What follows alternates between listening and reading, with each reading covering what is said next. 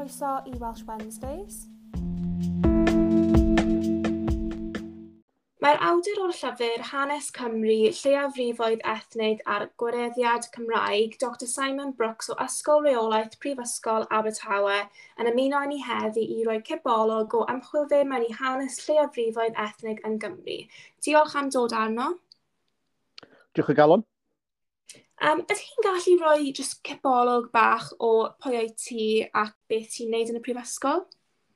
O, dwi'n um, aelod y staff yn yr ysgol reolaeth. Uh, dwi'n athro cyswllt yno. Ond o ran yng ngwaith ymchwil, um, dwi'n um, gweithio mewn sawl maes y deud y gwir. Dwi wedi newydd wneud um, y drofiad ynglyn ag ailgatrefi um, i Lywodraeth Cymru. Felly dwi yn um, delio hefo pynciau fath o polisi cyhoeddus ac, ac yn y blaen. Ond o ran yng Nghefndir, dwi'n hanesydd ac hanesydd y diwylliant Cymraeg ydw i yn benodol.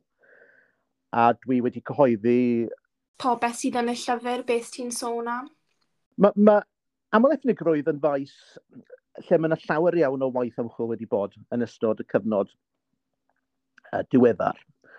Ond yn hanesyddol, mae yna duedd wedi bod um, i geisio nid awgrymu, ond pobl yn cymryd yn ganiatawl weithiau.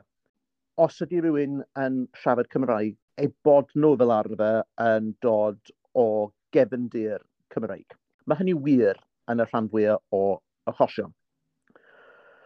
Ond oherwydd y duedd yna i, i feddwl bod siarad Cymraeg a bod yn Gymraeg yr un peth, Mae yna duedd wedi bod hefyd i awgrymu falle bod y diwylliant a iaith Saesneg yn fwy aml-ddiwylliannol na diwylliant Cymraeg, neu wedi bod yn fwy aml-ethnig na'r diwylliant Cymraeg. Ac mae hynny'n anffodus o safbwynt y diwylliant Cymraeg, achos wrth gwrs mae'n portriadu diwylliant Cymraeg i fod yn rhywbeth um, llawer mwy cyfyng ei orwelion ac yn fwy cil mewn gwirionedd na beth ydw mewn gwirionedd. Felly rhan y nod y llyfr yn ddigon syml o dangos nad ydy hynny ddim yn wir. Dydy ddim yn wir mae iaith sydd yn cael ei siarad gan un grŵp ethnic yn unig ydy'r Gymraeg. Mae'n mae, mae iaith aml ethnic ac wedi bod um, o gychwyn ei hanes ac mae hefyd erbyn hyn yn iaith aml hiliol. A mae'r yn ceisio dangos hynny trwy portreadu ymwneud gwahanol grwpiau lleddfyddol yn, yn, yn y diwylliant uh, uh, Cymraeg. Um, er enghraifft y Roma. Uh, y Roma ydy'r enw iawn ar um, grŵp um, sydd hefyd weithio'n cael ei cyfeirio uh, uh, atyn nhw fel Sipsiwn. Um, grŵp hynod o bwysig yn, yn, yn, yn y diwylliant uh, Cymraeg a, a grŵp oedd yn dair ithog, oedd nhw'n siarad Cymraeg, Saesnag a Romani Cymraeg. Doedden nhw ddim yn cael eu ystyried uh, yn Gymru yn y bedwaredd ganrif bymthag, a doedden nhw ddim yn ystyried eu hunan yn Gymru chwaith, ond mi oedden nhw'n cyfrannu'n llawn i'r uh, diwylliant Cymraeg uh, um, mewn sawl ffordd trwy, um, trwy gyforiaeth er, er enghraifft, um, trwy, trwy bob math o, o, o weithgar, weithgareddau. Felly mae fy llyfr i yn ceisio, ceisio yn y bôn, mae'n ceisio torri caswllt rhwng um, dweud bod haid i chi fod yn Gymro neu'n Gymraes i gyfrannu y diwylliant Cymraeg ei iaith. Mae hynna'n holl bwysig i trio torri lawr y stereotype hynna o beth sy'n gwneud person Cymraeg. So ie, yeah, um, dwi'n edrych ymlaen at darllen e. Pryd bydd e'n dod allan? Uh, mis Mehefin. Mae'n cyffroes. Um, so, beth yw hanes y iaith Cymraeg fel iaith aml ethnig te? Wel, y peth, un y pethau mwy diddorol ydy um, pan mae rhywun yn edrych a, a, a hanes cychwynnol y Cymru felly, mae, mae Cymru yn aml ethnig o'i cychwyn. Dydyn nhw ddim yn dod allan o rhyw llwyth Celtaidd. Dych chi'n gwybod, maen nhw'n dod allan o rhyw fath o cyfuniad rhwng diwylliant Lladin Rhyfeinig a'r diwylliant Celtaidd a roedd yn bodoli yn, yn Prydain cyn bod y Rhyfeiniad wedi cyrraedd. Felly o'i cychwyn oedden nhw'n um, oedden nhw'n grŵp uh, ethnic A dwi'n olrhain um, ymwneud rhwng grwpiau ethnig yn Ynys Prydain ac uh, yng Nghymru uh, yn ystod y canoloesoedd. Ond mae rhan fwyaf o llyfr yn edrych a Gymru a'r Gymru Gymraeg yn ystod y ddwy ganrif diwethaf. Yn y bôn, mae ffaith mae Cymru oedd un o gyfudau'r chwildro diwydiannol. Mae fyma dechreuodd y, y, y, y chwildro diwydiannol i raddau helaeth iawn mewn rhyw lefel methyr. Wedi golygu fod degau o filoedd o fewnfudwyr wedi symud i fyw i Gymru. Ac o llawer o rheini wedi, wedi um, codi'r iaith ac yn sicr oedd eu plant wedi codi'r iaith. Felly, pan mae rhywun yn edrych ar y dystiolaeth hanesyddol, mi ydych chi'n gweld llawer iawn o gyfeiriadau at um, Saeson yr enghraifft, sydd wedi symud i cymoedd y de ac sydd wedi cael eu cymreigio yn ieithyfol yn llwyr. Hefyd, uh, gwyddelod, um, poblogaeth wyddelig fawr er enghraifft uh, yn methyr, uh, oedd yn dre uh, Gymraeg iawn pan oedd y gwyddelod yn dod draw yng nghanol y 415. Ifewon hefyd yn dod draw o, o ddwyren Ewrop, um, ei dalwyr uh, yn, yn, yn, yn symud uh, i Gymru hefyd. Ac yn ogystal â hyn, o, o um, ddiwedd uh, y feunawfyd ganrif, mae yna hefyd um, bobl ddi um, uh, yn byw yng Nghymru, ac o'r, or uh, bedwaredd ganrif bymtheg ymlaen, mae yna bobl asiaidd uh, yn byw yng Nghymru, a mae yna dystiolaeth hefyd Felly, dyna wy'n ceisio dangos yn y llyfr. A wi hefyd yn disgrifio a hiliaeth yn ei herbyn nhw. Mae yna hiliaeth wedi bod yn erbyn pob un o grwpiau hynny. Um, hiliaeth sydd wedi bod yn echill um, ar y degau, yn enwedig efallai yn erbyn um, pobl ddi, a yn erbyn um, uh, Roma, um, Gwyddelod ac ac, ac i fewn. Mae'n ma ma ma ymysodiadau hiliol y terfysgoedd hil um, wedi bod yn ebyn y grwpiau hynny um, yn ystod ein hanes ni. Felly dwi'n ceisio trafod hynny yn onest. Ond mae ma hanes ymwneud pobl hefo'i gilydd yn, yn fwy na ffwnc hiliaeth yn unig, of course. Mae yna hefyd enghreifftiau o bobl yn cyd-dynnu mewn cymdeithas, um, o priodasau, um, o, o bywyd um, teuluol, um, o ffrindiau, o cariadon, plant. Um, mae yna ma ma hanes hefyd o ymwneud rhwng gwahanol bobl o wahanol gefndiroedd ethnig. Uh, yng Nghymru, dwi'n tre, dwi tre trafod hynny hefyd uh, yn y gyfrol. Ie, yeah, mae'n swnio fel ti'n trio cyfro llawer o bethau o'n hanes ni ac dydyn ni ddim yn cael hwn o fewn y cwricwlwm yn ysgolion. Dwi'n gwybod pan rydw ddim yn ysgol am roedden jyst yn dysgu am hanes Cymru o ran pobl gwyn. So yeah. um, mae'n rili really dda i clywed am hyn ac um, o ran fel perthynas Cymru gyda threfdigaethedd a cheithwasiais, um, does ddim byd fel yna yn y cwricwlwm. Beth dylse ti credu bod pobl yn dysgu fel y, y prif pethau o'n hanes ni? Wel, na, dwi'n dwi, dwi, dwi cytuno. Ychydig iawn y sylw sydd wedi bod yn, uh, yn y cwricwlwm. Mae yna fwy, ma fwy o sylw wedi bod gan haneswyr proffesiynol, dwi'n meddwl bod hi'n deg dweud. Ond mae'r um, ma athro Charlotte Williams newydd cydeirio ar ran Llywodraeth Cymru uh, weithgor sydd wedi bod yn edrych yn y pwnc yma. Felly dwi'n meddwl bydd y cwricwlwm uh, yn newid um, yng Nghymru yn ystod y blynyddoedd sydd i ddod. Um, mae hynny'n beth da dwi'n meddwl bod hi'n bwysig bod y cwricwlwm yn, yn deud y gwir a, a, am, ein, am ein gwlad ni, sef ei bod hi wedi bod yn wlad uh, amlhiliol ac amlethnig es ychydig o ganrifoedd uh, erbyn hyn. Mae hanes y Gymru gyfoes mewn gwirionedd yn dod allan o chwildro diwydiannol. Um, mae ffaith bod ni, bod ni wedi cael palla glo, bod ni wedi cael chwareli, bod ni wedi cael porthladdoedd mewn llefydd fel Cerdydd wedyn yn sgil hynny, sydd wedi gosod cynsail y gyfer y Gymru dyn ni'n byw yn fi hi heddiw. Ac mi oedd y Gymru honno yn aml ethnig ac yn aml hiliol o'i gychwyn, felly mae rhywun yn edrych a Gerdydd er enghraifft, wel mae ardal o gwmpas y pothlaf yng Nghaerdydd wedi bod yn aml ethnig ac yn aml hiliol erioed e, iddi hi gael ei, ei agor yng nghanol y 415. Felly, e, ie, pethau, pethau felly um, um, sydd eisiau dysgu, dwi'n meddwl, uh, uh, a bod, bod ein uh, gorffennol ni wedi bod yn, um, yn aml ethnic ac wedi cynnwys sawl grŵp gwahanol o ran hil hefyd. A, a mae dyna fydd natur Cymru yn y dyfodol hefyd, wrth gwrs. Felly, pam ydych chi'n credu mae'n bwysig i pobl yn Cymru i gwybod am hanes hyn?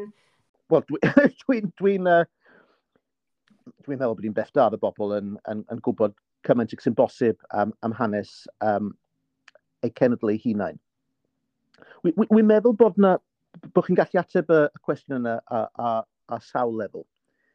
I fi, o safbwynt academaidd, y peth oedd yn pwysig oedd y diedd yma i awgrymu, er bod Cymru yn aml ethnic, oedd pawb oedd yn gweithio, mae hanes yn derbyn hynny, mi oedd yna llai o barodrwydd efallai i dderbyn bod y Gymru Gymraeg, hynny yw y diwylliant Cymraeg yn aml ethnic.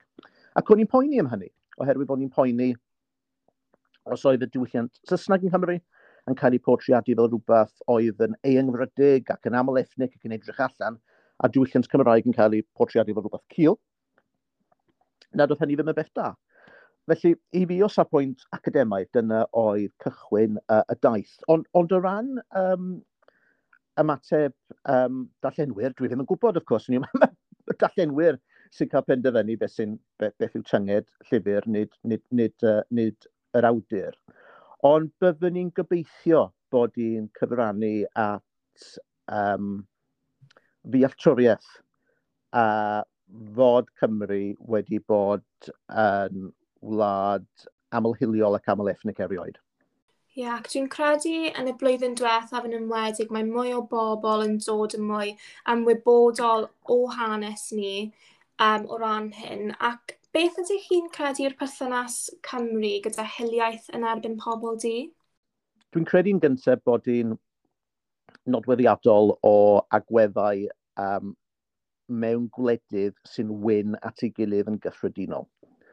Hynny yw, mae hiliaeth gan bobl wyn yn erbyn pobl ddi wedi bod yn un o, yn anffodus, un o brif nodweddion um, greiddiau y byd cyfoes da ni'n byw yn fyfo. A dyn ni gweld hynny yn amlwg hefo caethwasiaeth, i raddau helaeth iawn mi oedd uh, economi Prydain uh, ac America hefyd i raddau helaeth iawn wedi cael ei seilio a ceffwasiaeth.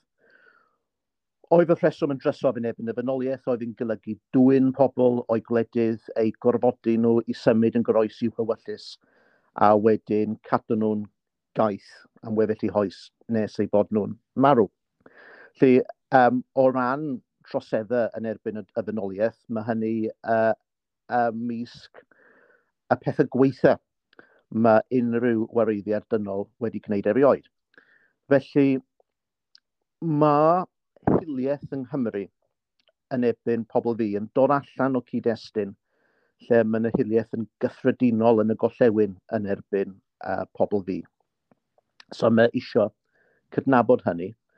Wedyn, pan mae rhywun yn edrych ar um, ddigwyddiadau penodol yng Nghymru, wel, wi, wi meddwl neu uh, bydd Cryn Dipyn yn gwybod yr enghraifft am y derfysg hil uh, yng Nghaerdydd uh, yn ardal dociau Caerdydd yn 1919 oedd yn derfysg hil gan bobl wyn yn targedu uh, pobl ddi yn ardal y Porthladd yng, yng Nghaerdydd. Ond mae yna hanesion eraill o, o, o hiliaeth wedi bod uh, pan o'n i'n um, ymchwilio i hanes uh, y bedwaredd ganrif bymthag ac o'n i'n cael hyd i hanes A pobl fi, er enghraifft, yn gweithio dan ddeiar mewn pyllau glo uh, yn y de, wel, mi oedd e, er enghraifft um, llofruddiaeth hiliol uh, yng Nghwm Cynon, yng Nghwm Dar, yng Nghwm Cynon, yn 1870, um, er enghraifft, mae'n adroddiad papur newydd yn ei gilchau. E. Felly mae ma hiliaeth um, yno, does dim dowt am hynny. A mae'n bwysig bod rhywun yn ei cydnabod y peth yn onest. Mae hiliaeth wedi bod yn ebyn grwpiau eraill heblaw pobl ddi hefyd yng Nghymru. Uh, a falle mae Roma y fyfyr enghraifft um, fwy o amlwg o hynny. Ond hefyd yn ebyn gwyddelod yn y bedwarydd ganrif bymthag, mi oedd yn y sawl terfysg wrthwyddelig yn erbyn gwyddelod, ac mi oedd y derfysg hil hefyd yn erbyn um, i fewn yn rhedegau yn 1910. Felly mae hanes, mae yna cryn o hanes o anoddefgarwch um, a diwylliannol a, a, a chysineb y sail hil yng Nghymru. Ac y mwyn bod yn genedl iach yn y dyfodol, mae'n bwysig bod rhywun yn cydnabod beth sydd wedi digwydd yn y gothennol yn onast. Ydych chi'n credu felly wrth i mwy o bobl cael dealltwriaeth o hanes ni, bydd llai o hiliaeth yn amseroedd yma? Wel, dwi'n mynd siŵr um, y gallai neb ddweud oherwydd bod rhywun yn deall hanes yn well a bod hynny'n golygu bod hiliaeth yn, yn, yn mynd i fi glannu mewn ffordd. Um, mae rhywun yn gobeithio, of course, bod hi'n gyfrannu at broses o, o hynny. Ond mae hiliaeth um, yn bodoli y, y ffyrdd diddyn iawn um, mewn cymdeithas. A nid fy lle i yw um, siarad ar ran beth ydy um, uchelgais uh, neu nod uh, ymgychwyr um, ar ran pobl ddi oherwydd dwi'n um, dwi Gymro Gwyn. Ond, wy'n credu bys yn deg dweud um, fod hiliaeth ynglwm wrth anfantais mewn sawl maes. Felly, um, mae sawl maes y deud i gwir um, o ran, uh, wel, popeth mewn cymdeithas, mewn gwirionedd. Felly, e bod hanes yn mynd i gyfrannu at ddealltwriaeth o beth sydd wedi digwydd, um, fydd dehongli hanes ddim yn newid y dyfodol. Mae haid i bobl uh, benderfynu neu ceisio dwi'n pwysau i newid y dyfodol yna. Felly, yn naturiol, dwi'n gobeithio mae hynny'n digwydd. Ond dwi ddim yn credu bydd hynny'n digwydd jyst oherwydd um, bod ni'n deall hanes yn well, ond mae'n beth da bod ni yn deall hanes yn well yn yr un pryd, os ydy hynny'n gwneud synwyr. Ie, yeah, mae'n gwneud synwyr. Mae'n bwysig i dehongli hanes ac fel ni'n gweld weithiau ni ddim yn dysgu o hanes ni. Um, fel, mae rai grwpiau lleafrifol hefyd, dwi'n credu, yn ffeindio fe'n anodd i hunaniaethu gyda Chenedlaetholdeb Cymru. Pam ydych chi'n meddwl mae hyn? Mae ma cenedlaetholdeb, wrth gwrs, yn ymwneud hefo um, pwysleisio cenedl benodol. Wedyn, os ydy di rhywun ddim yn perthyn i'r genedl arbennig yna, um, mae hynny'n gallu codi cwestiynau. Wedyn, yn hanesyddol, uh, mae yna cyswllt wedi bod yn y gollewin, nid efallai yng Nghymru o angen angenrheidrwydd, ond yn y gollewin yn gyffredinol. Mae yna cyswllt wedi bod rhwng uh, rhai mathau o genedlaetholdeb a hiliaeth. Wedyn, oherwydd hynny, dwi'n meddwl bod na duedd wedyn um, ymysg lleafrifoedd i fod yn ofalus ynglyn â cenedlaetholdeb. Dwi ddim yn credu bod i'n meddwl o angen rheidrwydd um, uh, uh, lleafrifoedd yn ymwrthod hefo cenedlaetholdeb, uh, mae ma, ma, ma, ma ddigon o bobl o, o wahanol grwpiau llefrifol sydd yn cefnogi uh, annibyniaeth i Gymru. Uh, da ni'n gwybod hynny. Ond beth mae'n ei olygu ydy um, bod rhywun yn gorfod creu math o gen genedl mewn gwirionaf um, sydd yn gydradd, sydd yn deg, um, sydd yn cynnwys gwahanol bobl o wahanol grwpiau, uh, sydd ddim yn rhagfarnu yn ei herbyn hwn Ac uh, wy'n gweld, chymod, pan dwi'n edrych ar y cyfryngau cymdeithasol er enghraifft, dwi'n gweld trafodaeth ynghylch, ynghylch hynny uh, yn, yn reit um, uh, gyson. Felly, uh, mae hwn yn pwnc um, gwleidyddol mewn gwirionedd sydd yn mynd ymlaen uh, hyn o bryd o'n cwmpas ni yn y gymdeithas heddiw. Ond ia, dyna byddwn ni, byddwn ni, byddwn ni yn, yn crynhoi'r peth fel hyn, yn hanesyddol mae yna cyswllt wedi bod rhwng cenedlaetholdeb a bod yn anoddefgar tuag at rhai lleddryddoedd. Um, ond uh, mae'n bosib uh, a gallai rhywun ceisio llunio cenedlaetholdeb heddiw a falle um, y mwyn ceisio ysgoi hynny. Ac os ydy cenedlaetholdeb yn fod yn gyfiawn, yna mae'n holl bwysig fe hynny'n digwydd. Ydych chi wedi gweld hefyd o fewn ymchwil chi os mae wahaniaeth mewn dinasoedd a cefn gwlad yn Cymru? O ran, o ran, um, o ran hiliaeth neu o ran diwylliant neu o ran... O ran popeth, really. O, o ran popeth. Wel, mae'n ma, ma, ma, ma eitha diddorol a deud y gwir. Um, mae dinasoedd yn fwy amlhiliol, um, ond mae canran y siaradwyr Cymraeg yn y dinasoedd hynny yn is. Mae, mae cefn gwlad yn um, drafodiadol wedi bod yn llai amlhiliol, ond mae canran siaradwyr Cymraeg cryn dipyn yn uwch. So pan, wy, pan mae rhywun yn mynd ati i weld um, lle mae gwahanol llef rif ethnig sy'n siarad Cymraeg yn byw, um, a deud y gwir, ych chi'n gweld sefyllfa eitha cyfartal.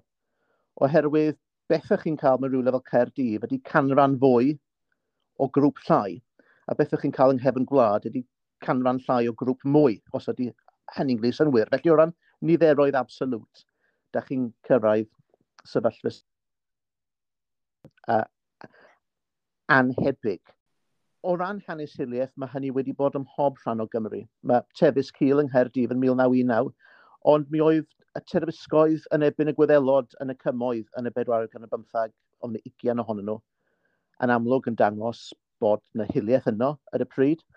Ac o ran cefn gwlad, wel, yng nghefn gwlad oedd y Roma, y uh, uh, uh, Sipsiwn Cymraeg uh, uh, yn, yn byw. Um, ac oedden nhw'n wynebu hiliaeth hefyd. Felly, yn, yn anffodus, fe fy ni ddim yn dadle bod un rhan o wlad yn waith neu'n well o ran hiliaeth na rhan arall o wlad. Ond byddwn ni ddim chwaith yn dweud bod un rhan o wlad yn waith neu'n well o ran cyfraniad aelodau o leiafrif ethnig sy'n siarad Cymraeg. Mae hynny'n rili really diddorol ac um, nes i tafu lan yn y cymoedd yn Merthyr ac mae rai o'r pethau ti wedi sôn am, am dwi ddi ddim yn, yn bod o lodd o fe, so ie, yeah, rili really diddorol. Ie, na, mae methyr yn lle, yn lle andros o, o, o ddifur. Ofn y gymuned i fewig y methyr ac ofn y uh, gymuned wyddelig fawr y methyr. Ond y methyr hefyd yn lle Cymraeg iawn. Wedi llefydd fath y dowlais yr er enghraifft, yn ei ffriadol o Gymraeg.